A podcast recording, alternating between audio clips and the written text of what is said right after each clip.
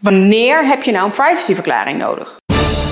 Charlotte, de social media jurist van Nederland. Privacyverklaring, daar moet heel veel in komen te staan. Zeker sinds de AVG in 2018 van kracht is geworden. Er moet allerlei nieuwe informatie in een privacyverklaring komen te staan dan daarvoor nodig was. Hij moet uh, kort en bondig zijn en in duidelijke taal, et cetera, et cetera. En vervolgens zitten er zoveel verplichtingen aan dat hij eigenlijk al niet meer echt kort kan zijn. Maar goed, daarover heb ik al een andere video gemaakt. De vraag is vooral, wanneer heb je er nou eentje nodig?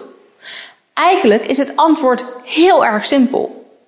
Wanneer je persoonsgegevens verwerkt. En dat is al zo wanneer je persoonsgegevens kunt inzien, of wanneer je ze juist verwijdert, of wanneer je ze opslaat.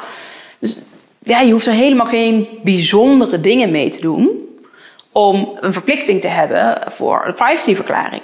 Dat betekent dus dat je als influencer ook een privacyverklaring nodig hebt voor bijvoorbeeld uh, je Instagram-kanaal of YouTube. Want ja, je ziet wie er commentaar geeft.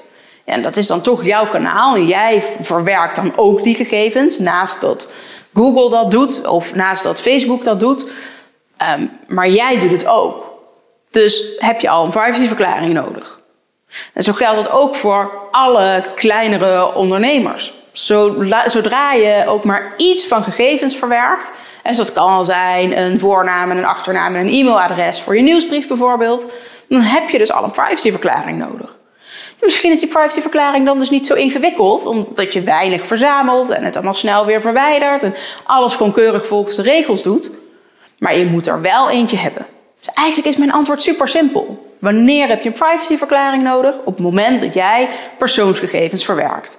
En je verwerkt ze al door ze in te kunnen zien. Heel veel meer kan ik je er eigenlijk niet over vertellen. Heb jij nou een privacyverklaring nodig of wil je hulp bij het schrijven daarvan? Laat het me vooral even weten, want dan kan ik je er vast bij helpen.